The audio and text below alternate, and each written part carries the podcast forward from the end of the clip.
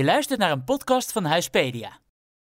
Dan kom je dus in dat stresspad. Wat is er dan geboden uh, ten opzichte van mijn bod? Hoe graag wil ik het inderdaad? Ja, dan dat is wel, dat is wel lastig. Dat, dat brengt wel wat stress met zich mee, ja, zeker. Dit is De Aankoop van je leven.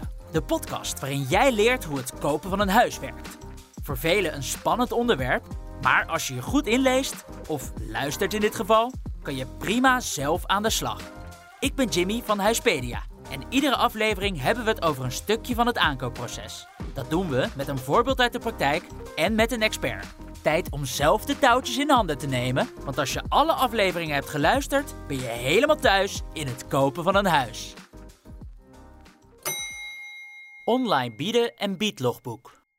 Als je eenmaal een huis hebt gevonden dat bij jouw budget en jouw wensen past, je hebt de woning bezichtigd en je weet zeker dat dit het huis is van jouw dromen, is het tijd om te gaan bieden.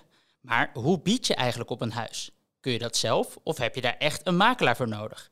En wat is het sinds 2023 ingevoerde biedlogboek? Al deze vragen gaan we in deze aflevering beantwoorden. Dat doen we natuurlijk niet alleen, maar dat doen we altijd met twee gasten. En deze keer zijn het Max Verlinde en Pieter de Jonge, afdelingshoofd van de afdeling Koop- en Kapitaalmarkt bij de directie Wonen van het ministerie van Binnenlandse Zaken en Koninkrijksrelaties. Welkom beiden. Uh, Max, laten we even bij jou beginnen. Vertel, uh, wie ben je? Uh, nou, mijn naam is Max, 30 ehm, jaar oud, woonachtig momenteel in Rotterdam, maar zojuist mijn eerste huis gekocht uh, in Den Haag-Voorburg.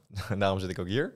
Zeker, want nou ja, je zegt het zelf al, je hebt recent een huis gekocht in Den Haag. Hoe heb je dat ervaren? bijzondere ervaring. Nou, het is ten eerste is het hartstikke leuk natuurlijk om gewoon op zoek te gaan naar wat vind je nou leuk en wat past bij jou en um, hoe gaat zo'n proces. De eerste keer is alles nieuw. Ja, je, komt, je bezoekt in eerste instantie gewoon heel veel huizen gewoon een beetje te leren hoe, uh, hoe gaat het nou en wat komt er bij zo'n bezichtiging allemaal kijken. En waar moet je op letten.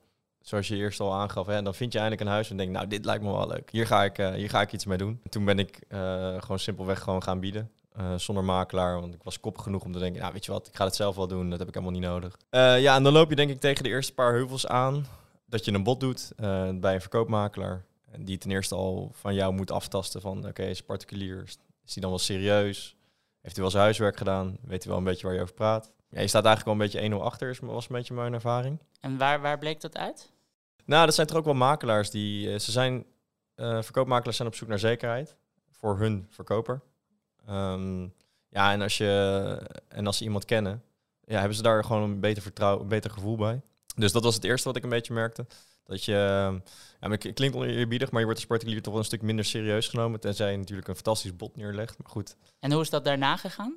Nou ja, ik heb het een paar keer geprobeerd. Toch proefde ik wel van de verkoopmakelaars elke keer weer een beetje hetzelfde verhaal. Um, dat je er niet echt tussen komt, dat je minder serieus wordt genomen. Of dat je zegt, oh ja, je hebt een goed bod neergelegd en we gaan het overwegen. En dat je de volgende dag terugbelt en dat er dan ineens een hoger bod ligt. Waarvan je denkt, oké, hoe kan dat nou? Gisteren was ik nog het hoogste bod. Het kan allemaal, uh, maar het is een, een, gesloten doos, zeg maar. Dus het is altijd een beetje gissen van wat daar nou precies allemaal gebeurt. Uh, nou goed, na een eerste aantal gefaalde keren toch maar besloten om nou gewoon een makelaar te zoeken. Om die, daarbij, die daarbij kan helpen. Die ook gewoon weet hoe, hoe je zo'n huis waarde moet inschatten. Ja, want, want dat vond je met name lastig ook. Ja, dat is ook lastig. Natuurlijk, je kan aan de hand van de plek en de vierkante meters kan je echt wel iets zeggen over een waarde van een huis. Maar daarnaast heb je nog inrichting. Je hebt natuurlijk ook eh, de staat van het huis, wat af en toe lastig te worden is. Zeker als je nieuw en particulier bent. Hè. Ligt je keuken op hout of zo? Of op... Ja, wat voor, wat voor ondergrond heb je? Precies. Ja. Uh, hoe ziet het dak eruit? Moet dat vervangen worden? Wat is er met je kozijnen? Ja. Het ding waar je allemaal nog nooit over nagedacht hebt. het is gewoon fijn om, die, om iemand mee te nemen die daar zo kritisch naar kan kijken. En ook zonder emotie naar kan kijken. Want je zit er toch als als kopende partij zit je er altijd in met van, oh, ik vind het gaaf. En je, bent, en, je enthousiasme overkomt je. En ja, dat is, uh, daardoor wil je nog wel eens een uh, vertekend bod doen ook. Ja, wat je daarna ook merkt is gewoon dat hij, als in dit geval een man, mijn aankoopmakelaar, um, die dat gesprek gewoon voert met de verkoopmakelaars. En die daar toch net wat meer informatie uit weten te peuteren. Van, hé, hey, uh, ze zijn op zoek naar ongeveer dit bedrag. En ze willen er snel vanaf. Of ze hebben de tijd. Of nee, de oplevering is volgend jaar. Dat soort dingen. Gewoon belangrijke informatie die je misschien wat minder snel krijgt als je er alleen als particulier naar binnen loopt. En het, het inschatten van die waarde, je geeft aan, nou, dat vond ik best, uh, best lastig. Heb je, nou ja, ik spreek hier natuurlijk voor eigen parochie als ik zeg van, heb je Huispedia erbij gebruikt om in ieder geval een, een realistische woningwaarde voor ogen te krijgen? Uh, de site is absoluut wel een paar keer voorbij gekomen. Grappig genoeg ben ik het meer gaan gebruiken nadat ik een huis gekocht heb. Um, Dus je zou eigenlijk willen dat je, dat je het eerder had uh, erachter was gekomen. Ja, nou ja, er zit nog steeds wel een range in waarvan je zegt, ja, dat is net te groot om uh, het concreet echt te gaan gebruiken. Maar je hebt wel je, je paaltjes gezet, zeg maar. Je minimale, maximale waarde komt vaak wel overeen met van ongeveer de waarde zo van een woning zou moeten zijn. Ja, wat je zegt, de realistische woningwaarde is een onderbouwde schatting. Maar of je een keuken of een badkamer mooi vindt, ja of nee, is natuurlijk ook je eigen smaak. Ja, er zit heel veel, uh, er zit heel veel gevoel bij nog steeds. Het is ja. uh, niet zo'n objectieve aankoop als je zou willen misschien. Nou ja, misschien zouden we de aankoop juist wat objectiever moeten bekijken. Ja, als je dat zonder makelaar wil doen, dan is er Huispedia Koper Plus. Dat gaat eigenlijk alleen maar in op objectieve cijfers om te bepalen wat je zou moeten bieden. En in jouw geval helpt de aankoopmakelaar daarbij. Ja, absoluut. Dus je zegt, nou, ik vind een aankoopmakelaar vond ik fijn om een woning beter op waarde te kunnen schatten. Um, maar er is nog iets met een aankoopmakelaar die, uh, die volgens mij waarde voor jou heeft gehad. Want je zei, ja, zonder aankoopmakelaar werd ik niet serieus genomen door verkoopmakelaars. Was dat daarna, werd je dan wel serieus genomen? Ja, je merkt dus gewoon als je dan een bod doet dat met het woord van je aankoopmakelaar erbij, die een kreet doet als, uh, mijn koper heeft goed uh, zijn huiswerk gedaan, hij weet wat hij kan lenen, hij heeft een hypotheekadviseur. Dat hij garant staat voor, eigenlijk voor uh, het feit wat ik bod wil doen. Dus daarin zie je gewoon dat verkoopmakelaars dat gewoon gelijk aannemen als zijnde waarheid. Maar is, is jouw, zeg maar, de onderbouwing van jouw bod, is dat daadwerkelijk anders geworden met een aankoopmakelaar? Nee, eigenlijk niet. Maar het wordt gewoon meer serieus Het wordt serieuzer genomen, ja. En ook, ja, je wint toch net wat meer informatie in over het bod dan je alleen zou kunnen. Uh, want je kent die verkoopmakelaars niet, je kan ze niet even bellen. Nou, minder makkelijk in ieder geval. Uh, maar hij stuurt even een appje van, hey, hoe zit het met bot en uh, valt het allemaal nog goed? En, dus eigenlijk ook inzicht krijgen in andere biedingen en hoe jouw bot ten opzichte van andere biedingen ligt. Ja, je krijgt eigenlijk een glimps in die donkere doos waar ik het net over had. Ja, nou ja, je hebt daarna ook met een aankoopmakelaar geboden. Um, je hebt nu ook een huis gekocht, dus vertel even, het is ook goed gegaan uiteindelijk. Ja, als je maar, als je maar genoeg, uh, genoeg blijft proberen, dan gaat het vast wel een keer goed. Maar hoe ging die, hoe ging die laatste ervaring? Nou, het huis stond erop voor een bepaalde prijs. Ik vond dat, ik ben ongeveer een jaar bezig geweest. Uh, dus je bouwt ook wel kennis op over de waarde van huizen. Je, je, weet, je kan een vergelijking treffen. Je denkt, oké, okay, ah, dit zit ongeveer hier, hier tussen. En ik vind het ongeveer dit waard. Ik denk ook vooral dat dat het belangrijkste is. Van hoeveel vind je het zelf echt waard? Um, en dat je daar gewoon dichtbij blijft. want je komt altijd wel in een positie waarbij je toch uh, voor het blok wordt gezet om uh, nog een hoger bod te doen. Dat gebeurt gewoon nog best wel vaak. Is dat ook bij jou gebeurd? Ja, zeker. Uh, kun je ons meenemen door, door hoe dat proces liep? Nou, het huis stond te koop. Uh, toen ben ik wezen kijken. En aan de hand van de vraagprijs heb ik in eerste instantie een bod gedaan. Ja, dat, is, uh, dat was goed ontvangen. de verkoper vond de voorwaarden goed. Um, dus in eerste instantie zag het er heel positief uit en iedereen was enthousiast. Ik was enthousiast, mijn aankoopmakelaar ook. En toen hoorde ik even een dag niks. Toen ben ik toch maar even gaan bellen. En toen uh, kreeg ik die volgende dag, de ochtend, het bericht dat er toch een aantal biedingen waren die in de buurt lagen. En dat ze ons nog één keer de kans gaven om een, om een finale bod te doen.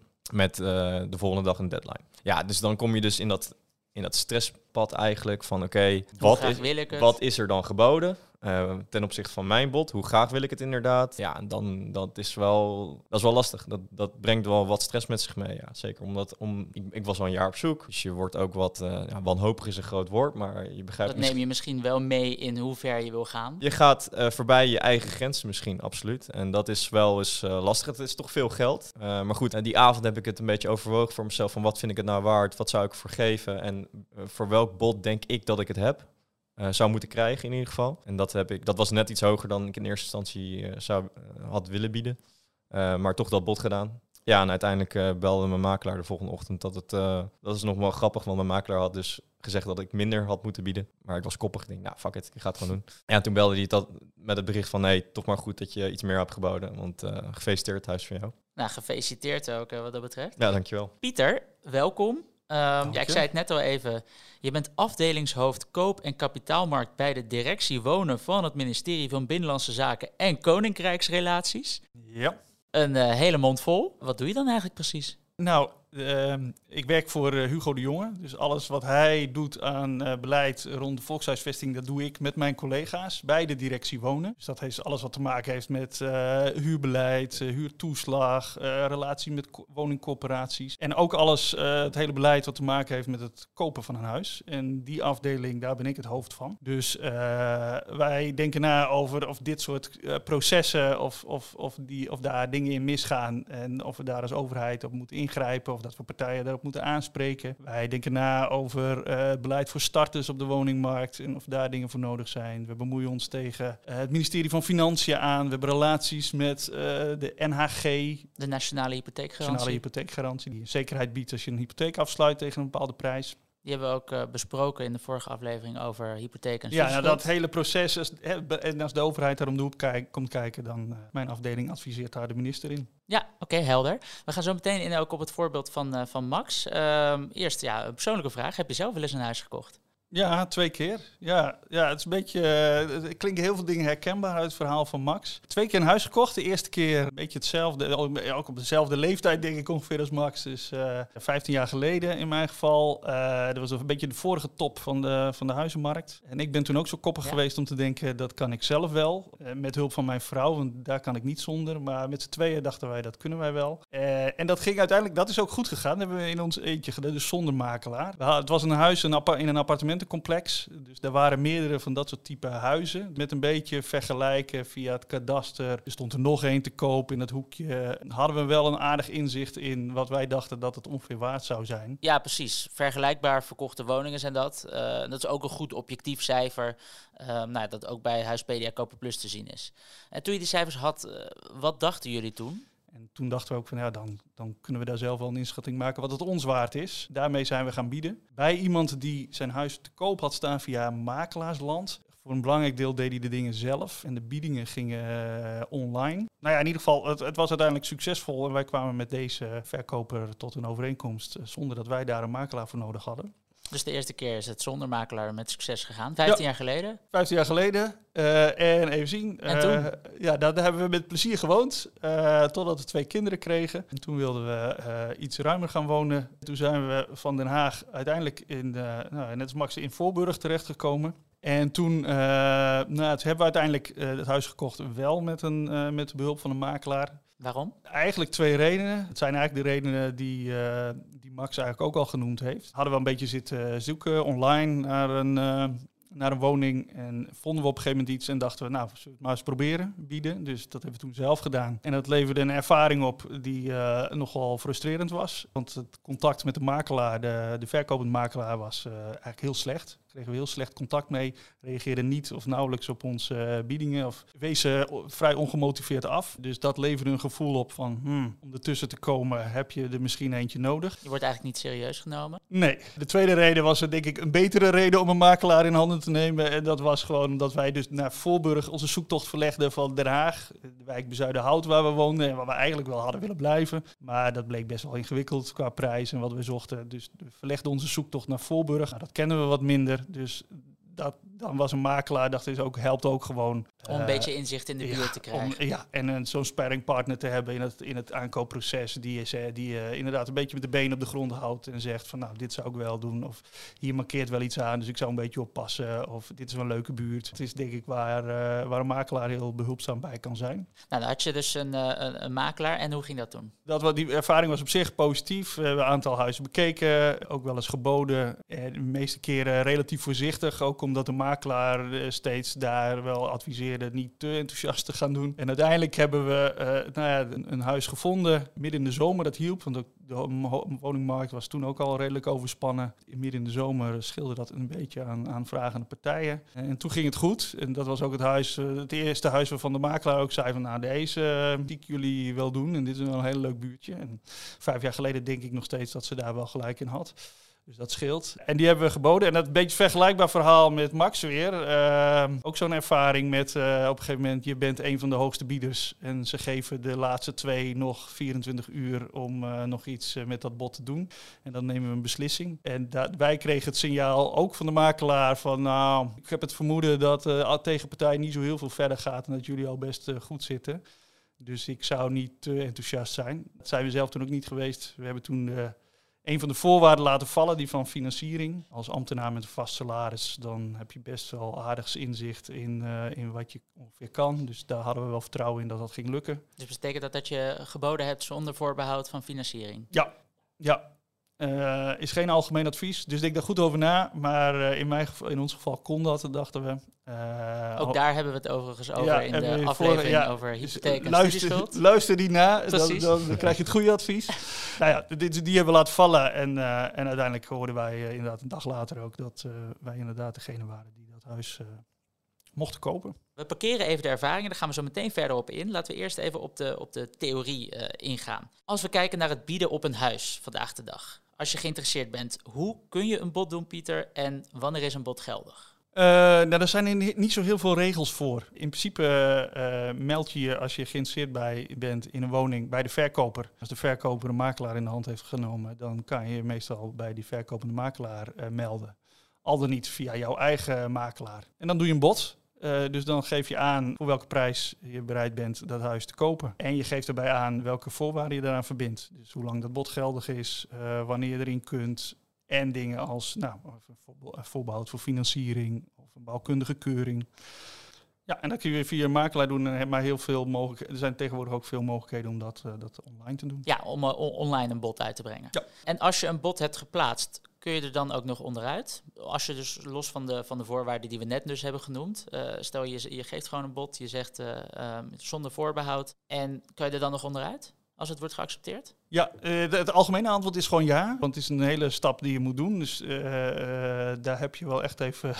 daar moet je goed over nadenken voordat je sowieso in het proces stapt. Denk ook altijd goed welk proces er wordt gevolgd. Zorg dat je daarover goed geïnformeerd bent. Dat je vooraf weet hoe het proces van bieden en vervolgens de rest gaat. Ja, want je, kunt, je hebt het proces waarbij je in onderhandeling gaat. je doet een bod en dan ga je in onderhandeling met de tegenpartij.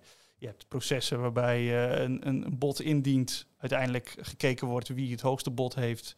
En daarmee uh, wordt dan de deal gesloten. En je hebt open biedingen. Dat kan ook. Dat je open kunt zien wie er al geboden heeft. En dat er een periode staat waarin je daar overheen, een soort van veiling. Dus uh, zorg dat je daarover goed informeert. Maar uh, het is er al een tijd, totdat de koopovereenkomst gesloten is, kun je altijd nog terugtrekken uit dit proces. Dus tot je tekent is er ja, en zelfs als je tekent uh, heb je nog drie dagen bedenktijd. En dan heb je eventueel nog voorwaarden afgesproken waar je er ook nog onderuit kan. Drie dagen totdat je tekent, in principe kun je er nog vanaf. Oké, helder.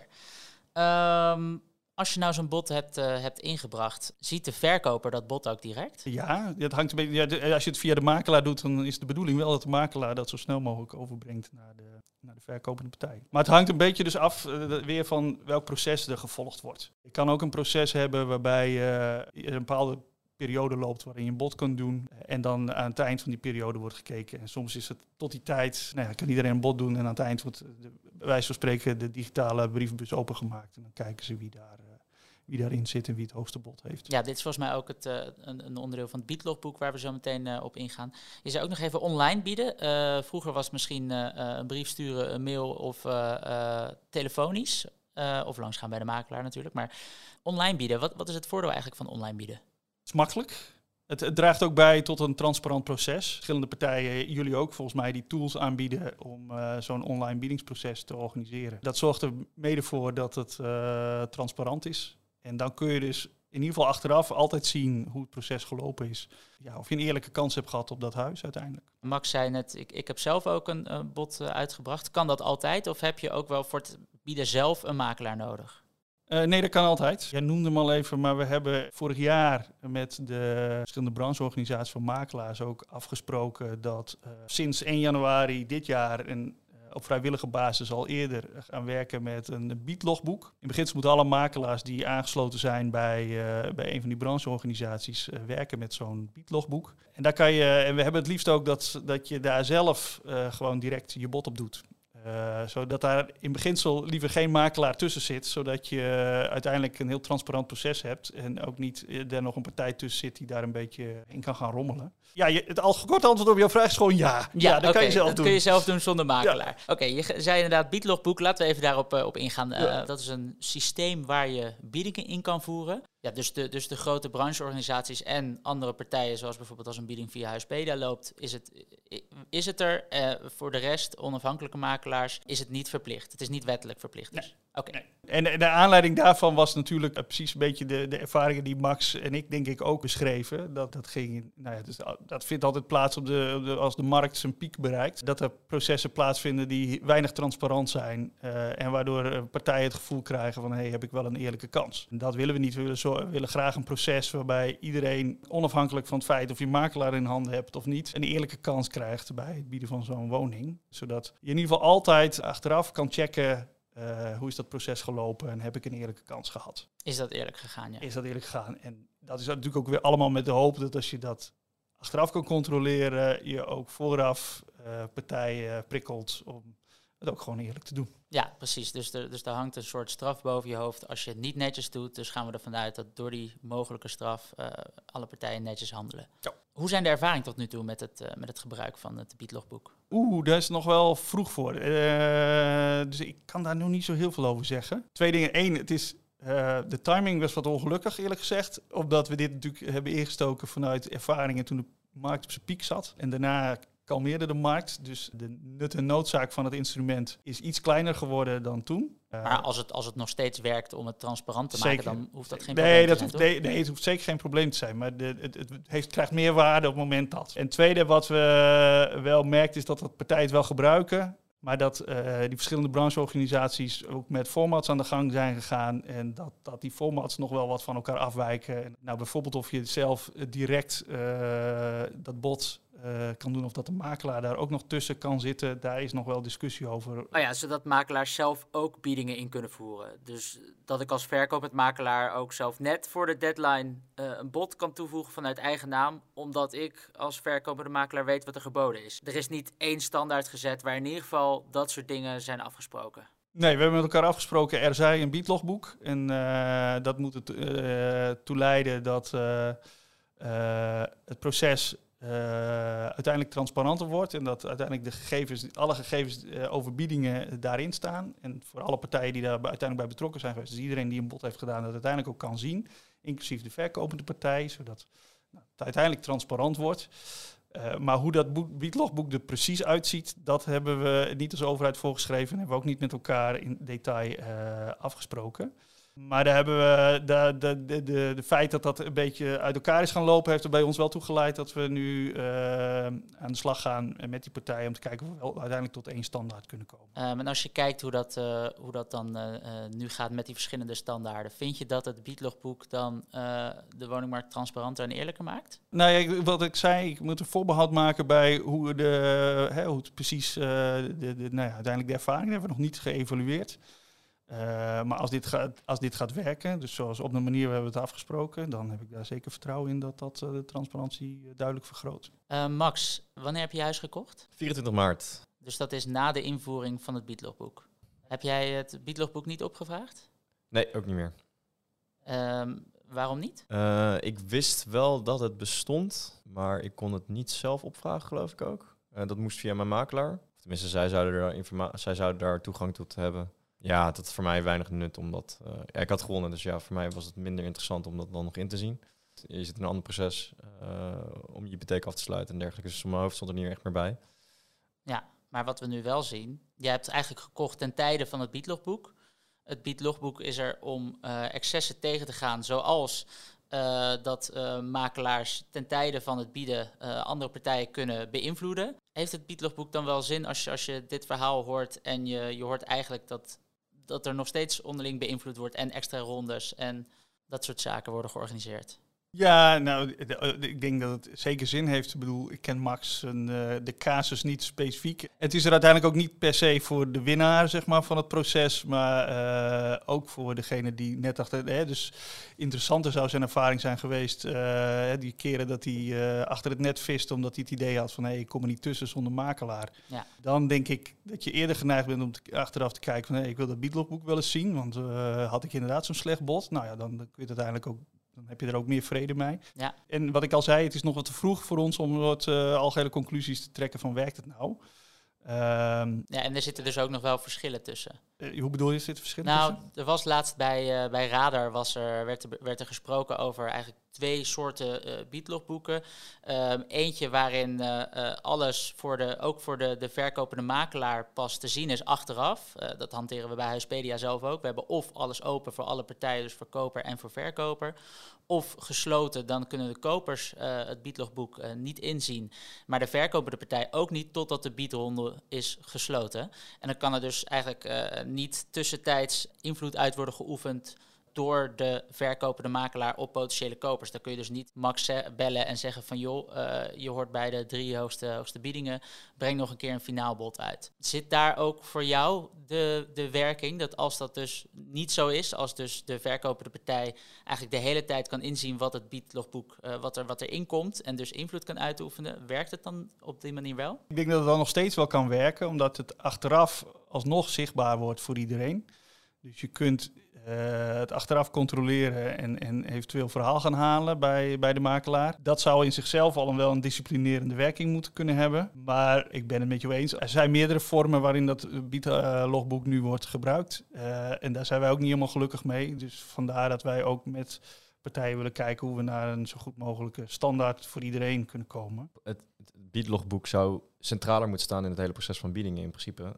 Eh, om er echt iets aan te hebben en om het proces eerlijk te maken. Dan alleen achteraf inzicht te krijgen. Tuurlijk, ik ben het met je eens. Het zal absoluut wel iets van discipline met zich meebrengen. Ook bij de verkopende en kopende partijen. Er zit nog steeds manipulatie in dat voortrekt daar. En natuurlijk achteraf zie je er dan wel van, nou, het viel wel mee of het viel heel erg tegen. Maar dan heeft het nog steeds niet, denk ik, de gewenste impact op het proces dat we met z'n allen willen om het gewoon eerlijker te maken. Ja, en dan ga je met name in op die tussentijdse beïnvloeding. Hoe was dat voor jou, ehm, de, de regels vooraf? Wat, wat werd er vooraf tegen jou gezegd over hoe het bieden ging? Ja, je komt bij de verkopende makelaar van wat is het proces? En die zegt dan ja, nee, ik kijk het even aan, eh, kijk even wat de interesse is en aan de hand daarvan bepaal ik iets. Eh, en dan zeggen ze vaak ook als het heel veel interesse is, dan doen we een, eh, een deadline en dan mag je voor die tijd mag je een bod doen.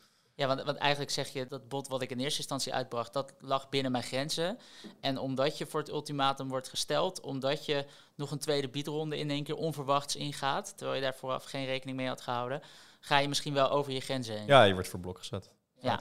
Dus daarom is het, dat zou mooi zijn, denk ik, eh, eh, als dat biedlogboek meer onderdeel wordt van het standaardproces. Denk als die richtlijnen er zijn, dat zou het wel helpen, zeker voor starters. Ik, ik hoor allemaal wat jullie zeggen, dus dat nemen we allemaal mee. De andere punten waar makelaars, in ieder geval ook weer diegenen die lid zijn van die brancheverenigingen, zich toe hebben verplicht, is dat ze heel aan de voorkant heel transparant zijn over het proces. En dat het proces eh, ook niet zomaar eh, ineens kan wijzigen. Dus eh, zorg dat je je daar ook goed over informeert en dat je je niet laat verrassen over, door ineens veranderingen in het proces.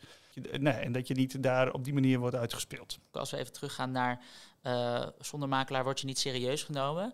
Ehm, als je op een anonieme manier in het biedlogboek eh, een, een bod inbrengt, als zijnde van oké, nou, ik ben deze persoon, dit is mijn bedrag, dit zijn mijn voorwaarden en dit is een persoonlijk verhaal om te laten zien waarom ik dit graag wil.